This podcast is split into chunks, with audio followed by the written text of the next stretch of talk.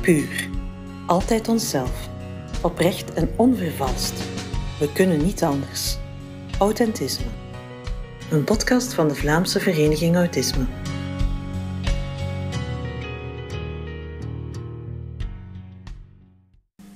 ...1 mei, feest van de arbeid. Werken is niet altijd een feest, maar het kan je wel veel voldoening geven. Autisme en werk. Ik ben Marianne Smeers en mijn gast vandaag is Goedele de Koenen. Goedele vertelt over de opleidingen die ze volgde, over haar werkervaring, haar burn-out en diagnose, over haar ervaring met vrijwilligerswerk. Welkom Goedele. Goedemiddag Marianne. Je schreef onlangs, en ik lees het even voor, Werken houdt voor mij in dat je ervoor betaald wordt en dan komt er heel wat verantwoordelijkheid bij kijken. Verantwoordelijkheid die, blijk, die ik blijkbaar niet aan kan. Ik wil dan presteren, alles goed doen, geen fouten maken en me vergelijken met collega's. Binnen mijn vrijwilligerswerk voel ik dat zo niet aan. Betaalde, betaald werk is voor jou een grote verantwoordelijkheid en dat geeft jou veel stress.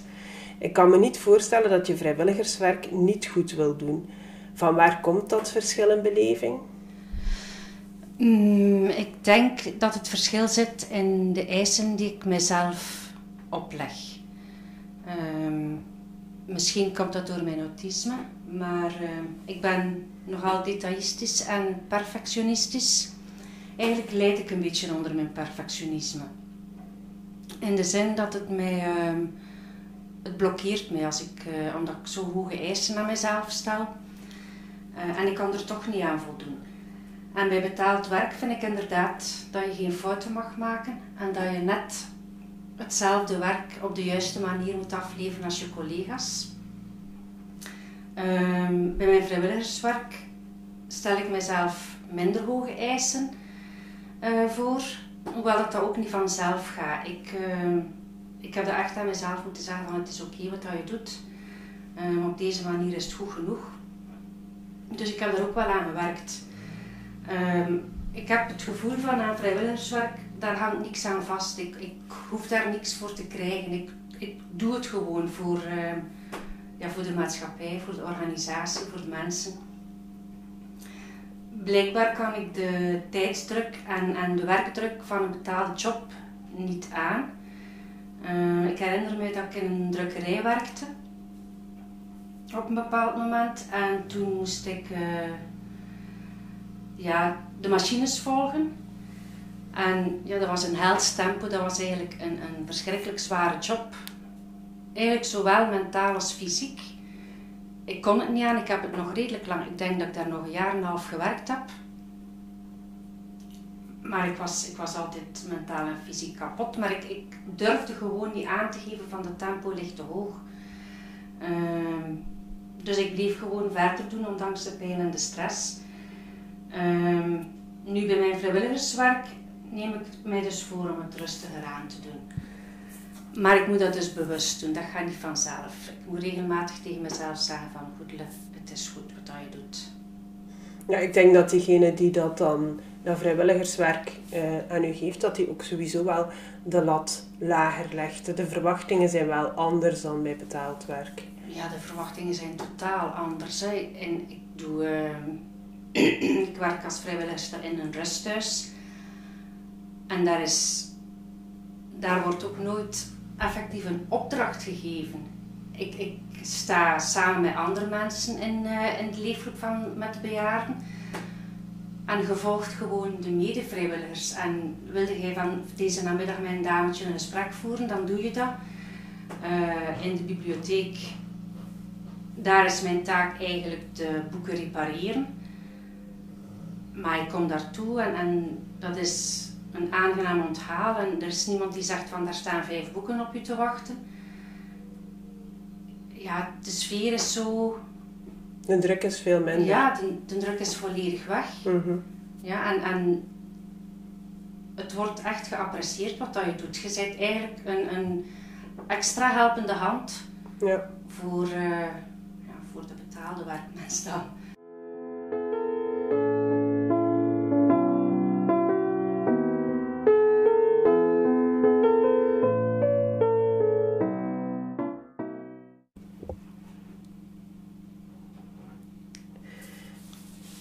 Straks wil ik het zeker hebben over je vrijwilligerswerk.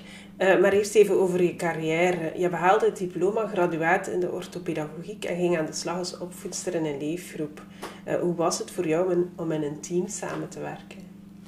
Wel, de eerste tien jaar na mijn opleiding. Ik ben direct begonnen uh, na mijn diploma. Uh, werkte ik in een CKG, een Centrum voor Kinderzorg en Gezinsondersteuning. En dat verliep, ondanks dat ik veel privéproblemen had, verliep dat eigenlijk redelijk goed. Um, zowel het contact met collega's als met leidinggevenden. Um, ik had met een aantal collega's wel een goede band. Van mijn diagnose was toen nog lang geen sprake, maar iedereen wist, Hoedle heeft gewoon problemen. Die zit af en toe met zichzelf in de knoop. Maar iedereen was tevreden van mijn werk, ook mijn leidinggevende. Ik zelf was ook tevreden van mijn werk. Maar thuis verliep het toen eigenlijk wel zeer moeilijk. Um, ik deed het allemaal wel, mijn werk en, en, en, huishouden en de sociale contacten en zo. Maar um, ja, dat vroeg echt veel van mij en ik zat echt niet goed in mijn vel. Ik, ik sliep toen weinig, ik at toen weinig en leefde zeer onregelmatig. Um, na dat CKG heb ik me eigenlijk nooit meer goed gevoeld binnen een team. Ik uh, voelde me eigenlijk nooit aanvaard, niet evenwaardig aan collega's, ook niet als, als, als het collega's waren met hetzelfde diploma. Uh, maar dat gaat ook wel een beetje, het gaat een wisselwerking geweest zijn. Ik communiceerde heel weinig. Uh, ik heb na het CKG eigenlijk met niemand van mijn collega's een zodanige band opgebouwd dat ik iets over mijzelf kon vertellen. Dus het feit dat ik niet goed in mijn vel zat, heeft niemand ooit geweten. Nog collega's, nog leidinggevenden. Dus je kon dat eigenlijk wel goed verbergen, maar thuis lukte het dan niet meer? Thuis lukte het helemaal niet, nee, nee. Nee, het is eigenlijk, ik ben... ja, mijn carrière is zo'n beetje op en af van, van, eigenlijk van de ene depressie in de andere.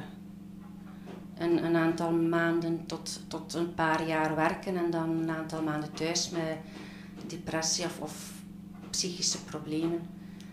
En dat was zo, ja. En uw collega's die merkten dat dan niet of die zeiden daar niet zo Of? Maar ik heb na het CKG eigenlijk uh, nog één keer een job gehad waar dat ik vijf jaar gewerkt had. Maar tussenin was dat, dat, was, dat waren tijdelijke jobs. En eigenlijk kon ik ook nooit met iemand een band opbouwen. Ze. Nee, ze waren te kort. Ze waren te kort. Ze waren te kort, ja. En, en ik heb ook, uh, ik heb niet alleen in de sociale sector gewerkt, maar dan ook in die, uh, in die drukkerij of in de fabriek. En dan, ja, met alle respect, maar dat waren dan geen mensen bij wie dat ik terecht kon. Ja. Of bij, met wie dat ik mij verbonden zou gevoeld hebben. Hoe komt het dat je zoveel verschillende jobs gehad hebt? Uh, ik heb uh, eigenlijk altijd gedacht dat mijn roeping in de sociale sector lag. Maar ja, ik heb om de een of andere reden nooit echt mijn draai gevonden ook. Dat waren ook altijd kortdurende jobs. Uh, ik kon met niemand echt een band opbouwen. Dat waren vervangingscontracten. Ehm, het werd ook wel zwaarder, het werk in de sociale sector. En dan heb ik de opleiding gedaan apotheekassistent. Ben ik even, uh, heb ik een paar jaar als apotheekassistent gewerkt. Ehm, en na apotheekassistent, toen ging dat ook niet meer. Dat was ook van job naar job. Er was altijd iets. Ik heb gewoon nooit mijn draai gevonden bij geen enkele job. Bij één job, ja. Maar daar moest ik dan jammer genoeg, uh, omwille van verhuis, moest ik daar mijn aanslag geven. Ja. Maar ik heb me nooit, ik heb nooit mijn plek gevonden. En kon je dan, kon je daar, daarover in dialoog gaan met je leidinggevende? Was dat bespreekbaar? Uh, over het feit dat het moeilijk ging. Ja? Ja, wel, ik herinner me uh, alleszins in, in, in, ja, in CKG wist, wisten veel mensen dat ik problemen had. Ook mijn, mijn leidinggevende. Maar ik herinner mij nog een gesprek met ehm, een leidinggevende. Dat was ook in de sociale sector. Toen werkte ik in een leefgroep ehm, bij kleuters met een fysieke beperking. En dat was, ik zou zeggen, naar het einde toe het begin van mijn burn-out, denk ik. Hoewel dat het daarna nog een aantal jaar geduurd heeft. Ehm, maar ik weet niet wat er mij toen allemaal overkwam. Ik kon... Ik merkte dat ik uitviel op verschillende vlakken. Ik kon de namen van de kinderen niet meer onthouden. Ik kon eigenlijk echt niet meer adequaat reageren. Op vergaderingen, ik zat erbij en ik keek ernaar. Ik kon niks meer inbrengen. Ik had, ik had het gevoel alsof dat ik op een andere planeet zat. Ehm, dus zowel mentaal als fysiek voelde ik dat er echt wel iets aan de hand was. Ik kon echt mijn werk niet goed meer doen. En toen heb ik een gesprek aangevraagd met, ehm, met mijn directe leidinggevende. En die man is toen, uh, die was heel begripvol, die luisterde. En die is toen zelf beginnen vertellen over zijn eigen depressie en burn-out. Ehm, maar op dat moment is dat echt niet doorgedrongen bij mij. Het enige wat ik nog weet van, van dat gesprek, dat echt doorgedrongen is, was dat die man zei: Je moet naar een dokter en wel zo snel mogelijk. En ja, ik heb dat toen ook gedaan. En ben eigenlijk daarom medische redenen gestopt. En ik ben nooit meer teruggegaan naar de sociale sector daarna. Hm. En wellicht was, uh, was het werken in met een onregelmatig uurrooster en, en avonds en weekends was dat ook wel lastig? Ja, dat was zeer lastig. Hè? Ehm, de eerste tien jaar, dat was een voltijds uurrooster. Eén uh, op twee weekends. Vroeger zijn lates, nachtdienst gelukkig niet. Maar ja, dat is... Voor iemand met autisme is dat ja, een beetje de hel, hè? Zo onregelmatig. En, en ik gaf wel, ik deed al die shiften wel, maar dat was s'avonds aan thuiskomen, na uw laten. Dan was ik om, om, om tien uur, half elf thuis en dan moest ik eigenlijk nog een paar uur bekomen. Maar als je dan de volgende dag te vroegen had, ja, dan, dan had ik misschien een uur of twee, drie geslapen. Dus, en ook het feit dat ik voltijds werkte, dat is altijd te zwaar geweest voor mij. Ik heb van in, van in het begin eigenlijk dat ik aan het werk ben geweest, had ik zoiets van, oh, moet ik nu weer gaan werken? Ik kan dat precies niet. Het is precies altijd te zwaar geweest. Hoewel dat ik wel mijn werk graag deed, maar de naartoe trekken, dat was verschrikkelijk eigenlijk. En merkten die cliënten dat dan? Um, nee, in CKG niet. Want daar, uh, daar deed ik dan ook thuisbegeleidingen. Uh, maar dat was dan de eerste tien jaar. Dat verliep dan eigenlijk wel redelijk vlot. Ook met de, met de ouders en zo, dat ging wel. Maar na zoveel jaar vond ik toch wel dat dat meer en meer van mij begon te vragen om met mensen om te gaan.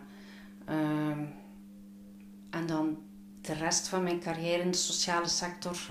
Ik heb ik denk dat ik het wel kon camoufleren. Ze. Dat de cliënten niks merkten. Maar het vroeg enorm veel van mij. Ja. Te veel. Ik was een wrak als ik thuis kwam altijd.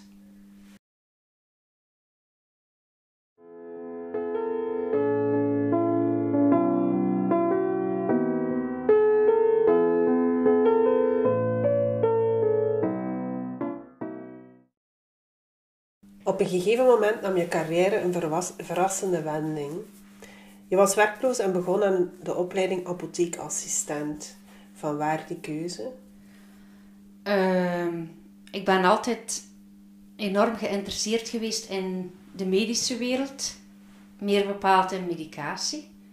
Van waar die preoccupatie komt, weet ik niet, maar ik heb dat altijd gehad. Uh, als tiener al hield ik de bijsluiters van, van, van de medicatie van mijn ouders bij. Ik had dan ook een, een schriftje nagelegd en ik maakte daar aantekeningen in.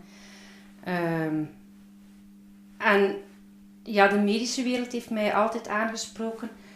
Ehm, ik wou ook graag dokter worden ofwel in een ziekenhuis werken. Ik wou een witte schort aan. En ja, ik had dan de kans om, om aangezien dat ik werkloos was, kon ik uh, betaald eigenlijk. Allee, tijdens mijn, mijn werkloosheidsperiode kon ik die opleiding volgen um, via de VDAB. Um, en als apotheekassistent kun je eigenlijk uh, in de reguliere apotheek terechtkomen, ofwel in de ziekenhuisapotheek. En dat was eigenlijk mijn bedoeling. Uh, ben dan, dat was eigenlijk een hele leuke opleiding. Ja. En dan zijn je aan de slag gegaan in een psychiatrisch ziekenhuis onder leiding van een apotheek, apotheker. En je hebt dat vijf jaar gedaan en dat gaf je heel veel voldoening. Wat was er dan anders aan die job? Dat was een, uh, dat was een topjob. Dat was echt een job op mijn lijf geschreven. Ehm, ja, eerst en vooral, het was in een ziekenhuis. Ik had eindelijk mijn witte schort aan. Ehm, ik, was ook zeker van mezelf. Ik kende de theorie en ik wist hoe dat ik het naar de praktijk moest brengen. En het, het lukte mij gewoon allemaal zeer goed. Um, Bovendien werkte ik niet in een, in een team. Ik was dus enkel met, uh, met mijn baas en apotheker. In het begin verliep dat contact, ik ga niet zeggen moeilijk, maar we moesten zo'n beetje wennen aan elkaar. Uh, hij gaf mij redelijk veel verantwoordelijkheid. En in het begin schrok mij dat wel af. Maar al snel had ik door dat hij mijn, mijn inspanningen wel, wel kon appreciëren.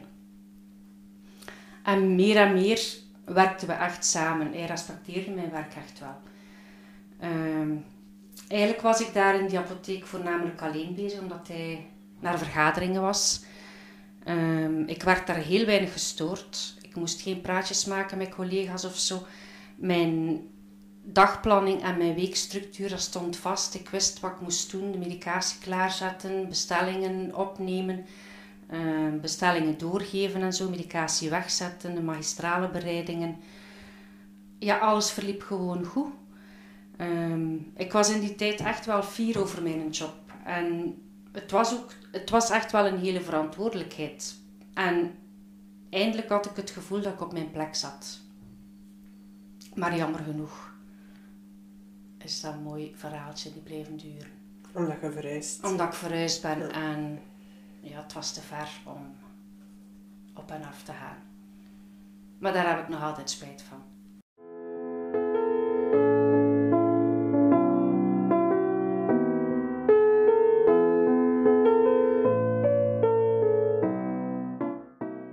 Na die fantastische job in het psychiatrisch ziekenhuis had je nog verschillende andere jobs als apotheekassistent die niet zo goed meevielen de stress bouwde zich jarenlang op, waardoor je op een gegeven moment gecrashed bent. Eh, in je verhaal schrijf je erover, en ik lees het even voor. Ik kon, al ja ik kon het al jaren niet aan, maar luisterde niet naar mijn lichaam en mijn hoofd. Ik blokkeerde volledig en ging in opname. Toen pas werd duidelijk dat mijn autisme de oorzaak is van al mijn problemen. Het leven vroeg veel van mij. Ik liep al tientallen jaren op de tippen van mijn tenen. Camoufleerde blijkbaar en ging steeds over mijn grenzen. Ik kon de combinatie van werken en leven daarnaast niet langer aan.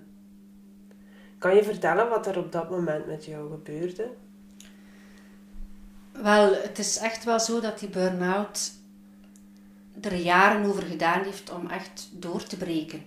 Ik herinner mij een, uh, een gesprek uh, met die leidinggevende die, die over zijn, uh, zijn eigen burn-out praatte. De symptomen die ik toen had, dat was echt wel... Dat waren symptomen van overprikkeling gewoon. Dat was geen depressie, dat was gewoon overprikkeling en overvraagd zijn. Dat was echt autisme. Nu, op het moment dat ik volledig uitviel. Ik werkte toen eigenlijk sinds een maand in een herverpakkingsapotheek. Um, dat vlotte alweer niet met de collega's en ik kon de werkdruk niet aan. ik moest eigenlijk eh, in die herverpakkingsapotheek moest ik werken met ehm, de robots. En wat doet een herverpakkingsapotheek? Die herverpakt uh, medicatie in bulk in ehm, kleine zakjes per innamemoment per patiënt. En die robot verdeelt dat. En richt die, die verschillende zakjes aan elkaar zo. En wij moesten dus uh, als apotheekassistent moest je dan de robot volgen en de juiste medicatie op de juiste plaats steken. Ehm, ja, dat was een robot, ik kon die niet volgen. Dus ik kon dat tempo al niet aan. Uh, met de collega's liep dat daar niet. Ik, ik, daar was ik echt weer zo'n buitenbeentje. Um, ik maakte nooit een praatje met iemand en ik herinner mij nog goed dat ik smiddags als het tijd was voor het eten, dan ging ik naar de keuken en ja, daar stond nooit nog een stoel voor mij. Dus ik moest ergens een stoel gaan zoeken. Er was eigenlijk ook nooit plaats voor mij. En blijkbaar was ik niet interessant genoeg om plaats voor te maken. Dus na een aantal keer geefde dat wel op en dan ging ik gewoon buiten mijn boterhammen opeten of ja, had ik niet en ging ik gewoon wat sigaretten gaan roken of zo. Dus na een maand, ehm, eigenlijk een geluk bij een ongeluk, ehm, had ik een blokkade in mijn schouder. En ik kreeg een week ziekteverlof. En ja, in die week is, is alles ineens letterlijk en figuurlijk gaan blokkeren. Ik, uh, ik kon plots niet meer slapen, ik kon plots niet meer eten. Mijn structuur was weg, uh, niets lukte nog. Uh, en toen, ja, het was, het licht ging even uit en ik had het toen ook gemeld aan de huisarts die mij direct op gesprek is laten komen. En zij heeft mij toen een maand ziekteverlof bijgegeven. En in die ma ik had toen een uh, wandelcoach die, ja, die met mij ging wandelen. En, en dat was de eerste persoon, dat was niet de eerste persoon, maar een van de eerste personen die tegen mij gezegd heeft van misschien kunnen we wel een keer een opname overwegen. En na dat gesprek heb ik eigenlijk uh, bijna direct beslist. De woensdag ben ik naar de huisarts gegaan en de vrijdag was ik in opname. Um, tegen de tijd dat ik in opname was, was ik eigenlijk al twee maanden niet meer aan het slapen en niet meer aan het eten bijna. Dus het was tijd. En veranderde er dan iets als je in opname werd? Hoe werd dat dan? Wat gebeurde er dan? Hoe pakten ze dat aan? Um, hoe pakken ze dat aan? Met, je hebt eigenlijk wel ik wou eigenlijk... Eerst en vooral moest ik, moest ik een beetje bijsterken. Ik moest slapen en eten. En dat ging eigenlijk vrij snel. Ehm, ik heb, toen dat ik in opname ging, heb ik er eigenlijk bewust voor gekozen om um, zo weinig mogelijk contact te hebben met familie en vrienden. Uh, ik wou echt alleen zijn en ik, ik wist ik moet er nu iets aan doen, want, want wat is er feitelijk aan de hand met mij? Ik, ik had mijn diagnose toen wel al, maar ik wou eigenlijk eindelijk wel een keer weten wat dat autisme deed met mij. Uh, want het was duidelijk dat het daarom ging. Uh, en dan de veiligheid van zo'n afdeling, de structuur die er aangebracht werd. Op vaste tijdstippen eten, slapen. Uh, ik werd natuurlijk ook ondersteund met medicatie. Uh, stilletjes aan, ik denk dat dat dan na, na 14 dagen of zo wel, dat ik toen wel al goed begon te eten en zo. En ik heb van in het begin ook heel enthousiast deelgenomen aan de therapie. Ik wou, ik wou vooruit gaan en ik wou inzicht krijgen in, in wat dat probleem eigenlijk was. Ik wou ook andere mensen leren kennen met autisme. Uh, die therapieën waren eigenlijk... Die waren niet verplicht, maar ik deed ze allemaal mee. Uh, En wat moest je dan doen tijdens een therapie? Ja, dat, dat ging van uh, ergotherapie. Ehm, wat deden we daar? Ik herinner mij nog dat wij een box gemaakt hebben.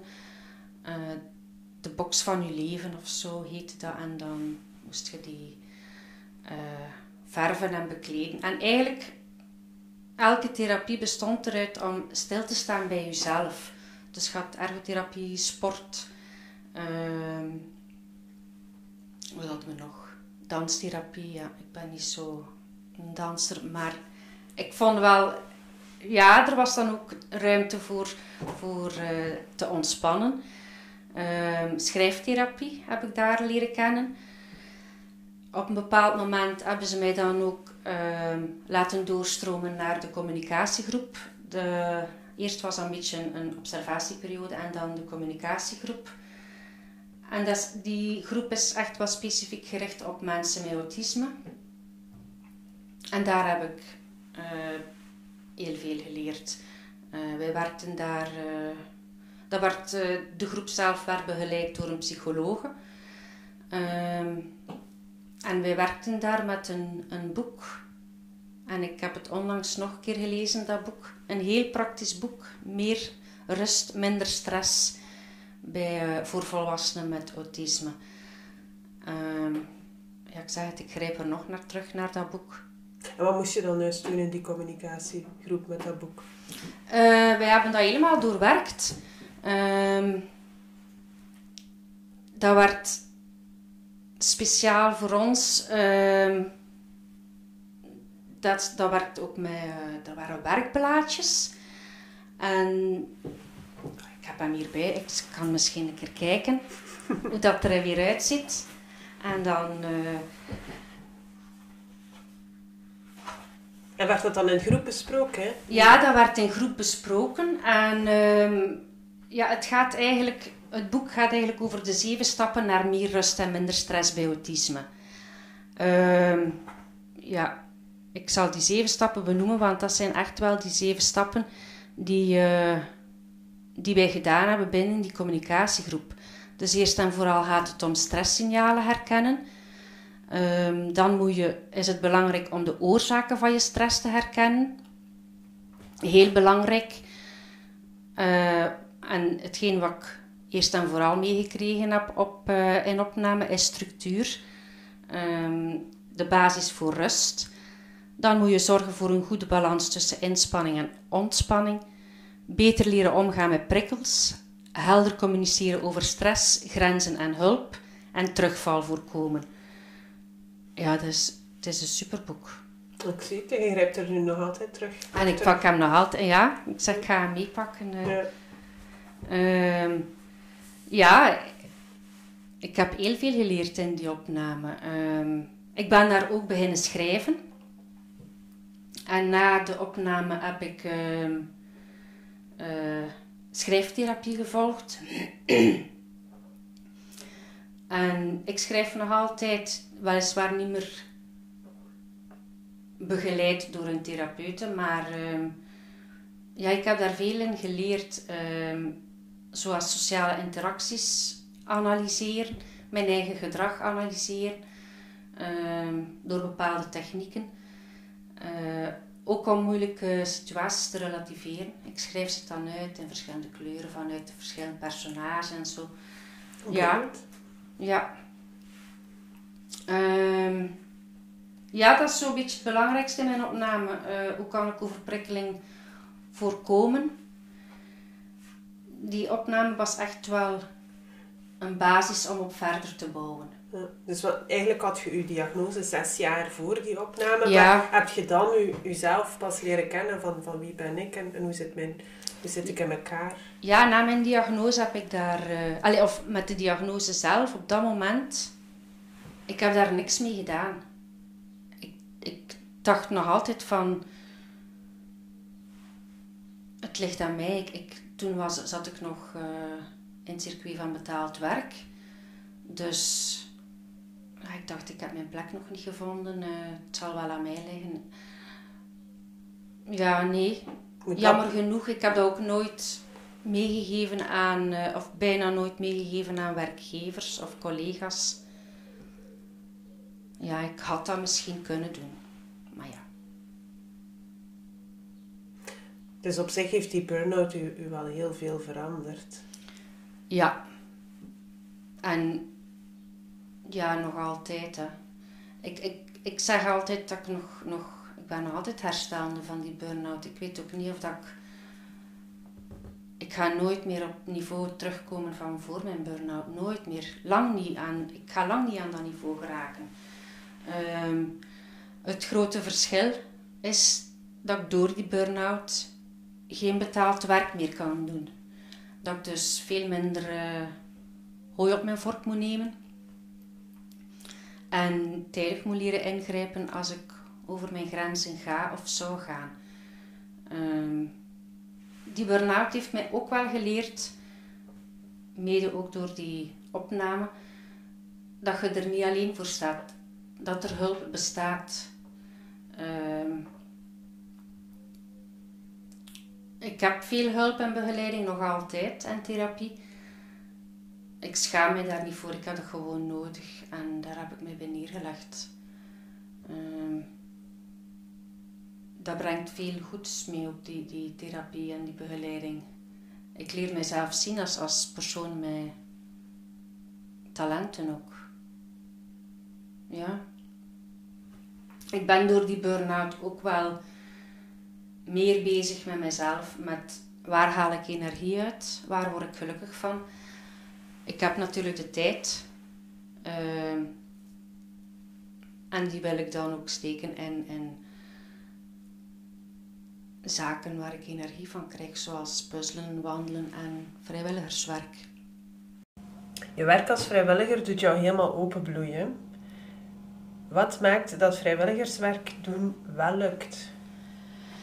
Um, ik vind wat er anders is, het verschil tussen betaald werk en vrijwilligerswerk. Nu, ik heb heel lang gezegd, um, ik vind het nu moeilijker om te zeggen, ik ga werken. Ik werk niet, ik doe vrijwilligerswerk. Maar eigenlijk wil ik, wil ik wel aan de mensen zeggen van, ik ga werken. En niet meer, ga naar mijn vrijwilligerswerk het, is, het zou moeten evenwaardig zijn in mijn hoofd. Dat zou voor nog meer voldoening zorgen. Um, wat er anders is, is dat ik de druk niet voel van als ik niet kan werken of als ik niet kan gaan, dan zadel ik mijn collega's op met, uh, met superveel werk. Of dan blijft al het werk liggen voor morgen. En heb ik dubbel werk of zo. Dus als vrijwilliger is dat niet. Je zit gewoon een extra helpende hand. Um, op momenten dat het voor jou haalbaar is, want dat is ook belangrijk voor mij, dat ik kan zeggen van um, het lukt even niet, ik ga morgen niet of ik ga een uurtje minder of zo. Ik heb heel veel voldoening om op deze manier wel te kunnen werken. Um, zo draag ik dan toch wel iets bij aan de maatschappij. ook het, het uh, de complimentjes die ik krijg van de collega's, die geven mij heel veel voldoening. En het, het onbezorgde contact met collega's eigenlijk. Ehm, het feit dat ik uh, onbezorgd mezelf kan zijn en onbezorgd actief kan zijn ook. Ehm, ja, dat zorgt voor heel veel voldoening. Ik hoef niet meer, ik hoef mij niet al te veel vragen meer te stellen. Onbezorgd actief kunnen zijn vind dat een heel mooi gezegd. Uh, onbezorgd actief zijn. En uh, ik stel voor dat we hiermee afronden. Dank je wel, Goedele, om jouw verhaal te delen. Graag gedaan.